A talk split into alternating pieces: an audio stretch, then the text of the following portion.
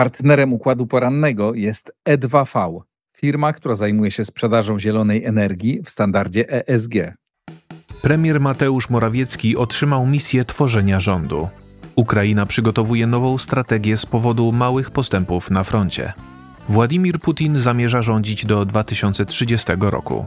Słowacja nie przeszkodzi firmom zbrojeniowym w wysyłaniu sprzętu na Ukrainę.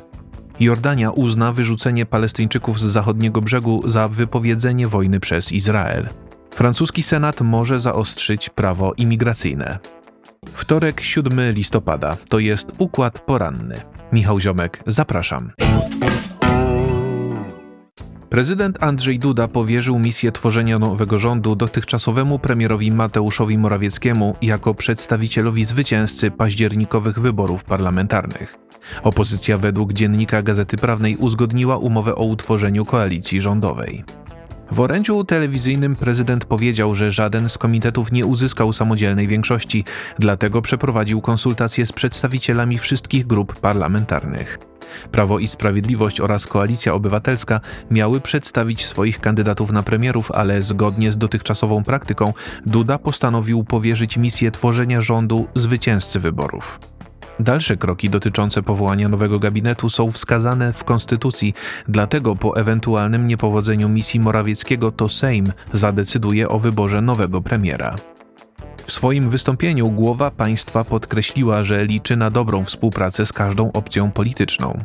Według Dudy jest ona konieczna, zwłaszcza w obszarach związanych z bezpieczeństwem i polityką międzynarodową. Poza tym powierzył on funkcję marszałka seniora Markowi Sawickiemu, od 30 lat reprezentującemu w Sejmie Polskie Stronnictwo Ludowe. Przed orędziem prezydenta odbyło się spotkanie klubu parlamentarnego PiSu. Partia Jarosława Kaczyńskiego według RMFFM nie zamierza rezygnować z próby budowania większości, a jej celem jest obrona suwerenności i sprzeciw wobec zmiany traktatów o Unii Europejskiej. Dziennik Gazeta Prawna poinformował w poniedziałek, że gotowa do przejęcia władzy jest już opozycja.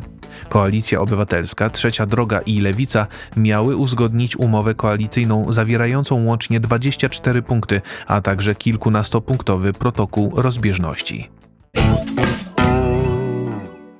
Postępy na froncie są zbyt powolne, dlatego Ukraina pracuje nad zmianą swojej strategii, poinformował prezydent Ukrainy Wołodymyr Zełenski.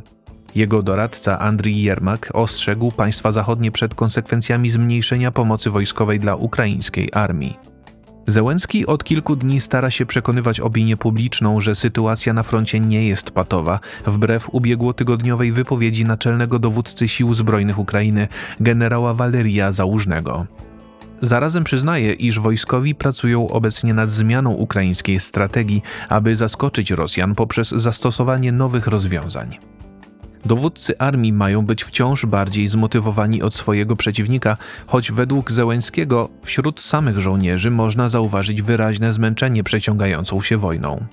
Prezydent Ukrainy ponownie podkreślił, że nie zamierza podejmować rozmów pokojowych z Rosją, bo nie jest zainteresowany dialogiem z terrorystami. Doradca Zełenskiego wypowiedział się z kolei na temat słów włoskiej premier Giorgi Meloni, która podczas prowokacji ze strony rosyjskich pranksterów mówiła o zmęczeniu państw zachodnich trwającą wojną. Zdaniem Jermaka ludzie je odczuwający nie chcą obudzić się jutro w świecie, w którym będzie mniej wolności i mniej bezpieczeństwa, dlatego powinni dalej wspierać Ukrainę. Ewentualne zamrożenie konfliktu byłoby więc niekorzystne z punktu widzenia świata zachodniego. Rosyjski prezydent Władimir Putin zdecydował się kandydować w kolejnych wyborach prezydenckich. W przypadku trzeciej z rzędu wygranej rządziłby krajem przynajmniej do 2030 roku. Oficjalnie Putin wciąż nie podjął decyzji na temat swojego startu w przyszłorocznych wyborach. Pragnący zachować anonimowość urzędnicy Kremla w rozmowie z agencją Reuters potwierdzili, że w rzeczywistości jest on już pewny swojej kandydatury. Nakazał więc swojemu zapleczu rozpoczęcie pracy nad przygotowaniem kampanii wyborczej. Rzecznik Putina Dmitrij Pieskow nie potwierdził tych doniesień. The Moscow Times zauważa, że Pieskow wcześniej wielokrotnie zachwalał potencjalną kandydaturę Putina, bo według niego obecny prezydent nie miałby żadnej realnej konkurencji.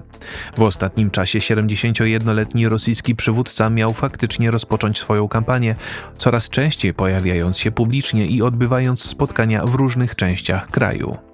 Przeprowadzona kilka lat temu nowelizacja konstytucji umożliwia Putinowi rządzenie nawet do 2036 roku.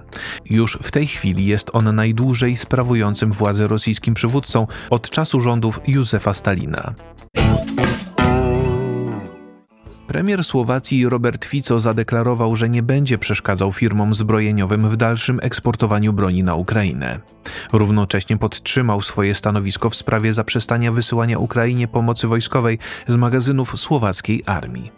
Fico po rozmowach z ministrem obrony Robertem Kaliniakiem stwierdził, że jeśli jakaś firma chce produkować broń i gdzieś ją dostarczyć, to oczywiście nikt nie będzie jej przeszkadzał. Nowy rząd w porównaniu do swoich poprzedników nie będzie przekazywał sprzętu ze swoich zapasów, a Kaliniak został zobowiązany do przeprowadzenia inwentaryzacji magazynów wojskowych oraz do zmiany niektórych umów dotyczących dostaw uzbrojenia. Słowacki premier zamierza skupić się teraz na pomocy humanitarnej dla Ukrainy. Nie wyklucza wysłania na jej terytorium saperów, którzy pomogliby w rozminowywaniu ukraińskich terenów. Bratysława może też przekazać Kijowowi zaopatrzenie medyczne oraz wspomóc w remoncie budynków cywilnych. Po wygranych wyborach parlamentarnych Fico powtórzył swoje wcześniejsze zapowiedzi odnośnie wstrzymania pomocy wojskowej dla Ukrainy, którą obarczał winą za wybuch wojny z Rosją. Podczas niedawnego szczytu przywódców państw Unii Europejskiej poparł jego wnioski końcowe, w których zapewniono, że Ukraina może liczyć na wsparcie militarne, gospodarcze i polityczne. Został za to skrytykowany przez lidera koalicyjnej Słowackiej Partii Narodowej Andrzeja Danko, mającego pretensje za zaakceptowanie przez Fico sformułowania o zapewnieniu dalszej pomocy wojskowej. Jordania uważa wszelkie próby wysiedlenia Palestyńczyków z zachodniego brzegu i strefy gazy za faktyczną deklarację wojny ze strony Izraela. W poniedziałek rano jordańskie lotnictwo zrzuciło pomoc humanitarną dla szpitala polowego w Gazie. Jordański minister spraw zagranicznych Ayman al-Safadi nakreślił czerwone linie, po których jego kraj uzna działania Izraela za wypowiedzenie wojny. Jego zdaniem wszelkie próby wysiedlenia Palestyńczyków z zachodniego brzegu i strefy gazy będą stanowiły zbrodnię wojenną i pogwałcenie prawa międzynarodowego. Zdaniem szefa jordańskiej dyplomacji trwająca w strefie gazy izraelska ofensywa przeciwko Hamasowi może przekształcić się w konflikt o charakterze regionalnym. Rząd w Ammanie ma z tego powodu pracować nad powstrzymaniem ataków prowadzonych przez władze w Tel Awiwie.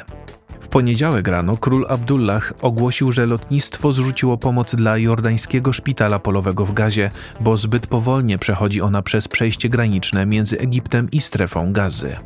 W ubiegłym tygodniu Jordania, która znormalizowała relacje z Izraelem w 1994 roku, wycofała swojego ambasadora z Tel Awiwu w proteście przeciwko cywilnym ofiarom izraelskich nalotów na Gazę. Francuski Senat pracuje nad zaostrzeniem prawa imigracyjnego. Propozycje rządu przewidują surowsze traktowanie cudzoziemców dopuszczających się przestępstw, a także szybsze deportowanie osób niepodlegających ochronie międzynarodowej. Minister spraw wewnętrznych Gerald Darmanin podkreślił, że zmiany związane są z dużo bardziej stanowczym kursem w sprawie imigracji przyjętym przez władze w Paryżu. Ich celem jest przede wszystkim umożliwienie służbom szybszego wyrzucania imigrantów z Francji, bo wielu z nich stanowi poważne zagrożenie dla porządku publicznego i bezpieczeństwa narodowego. Deportacje mają dotyczyć głównie osób sprawiających problemy, czyli dokonujących przestępstw. Nie wszyscy obcokrajowcy nieposiadający odpowiednich dokumentów byliby wydalani z kraju. Ustawa daje możliwość legalizacji pobytu we Francji osobom, które co prawda przedostały się do niej nielegalnie, ale mogą podjąć pracę w sektorach gospodarki borykających się z problemem niedoboru siły roboczej. Według telewizji France 24 proces legislacyjny nie będzie łatwy.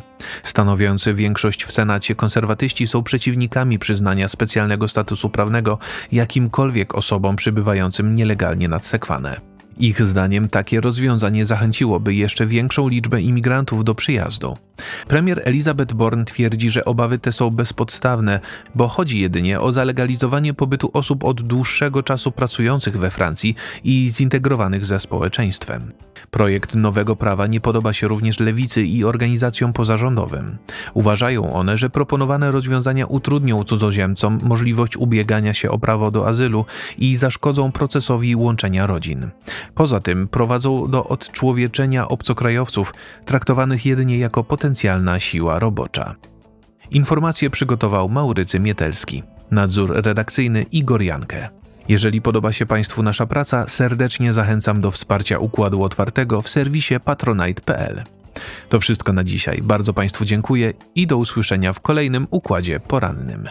Partnerem układu porannego jest E2V, firma, która zajmuje się sprzedażą zielonej energii w standardzie ESG.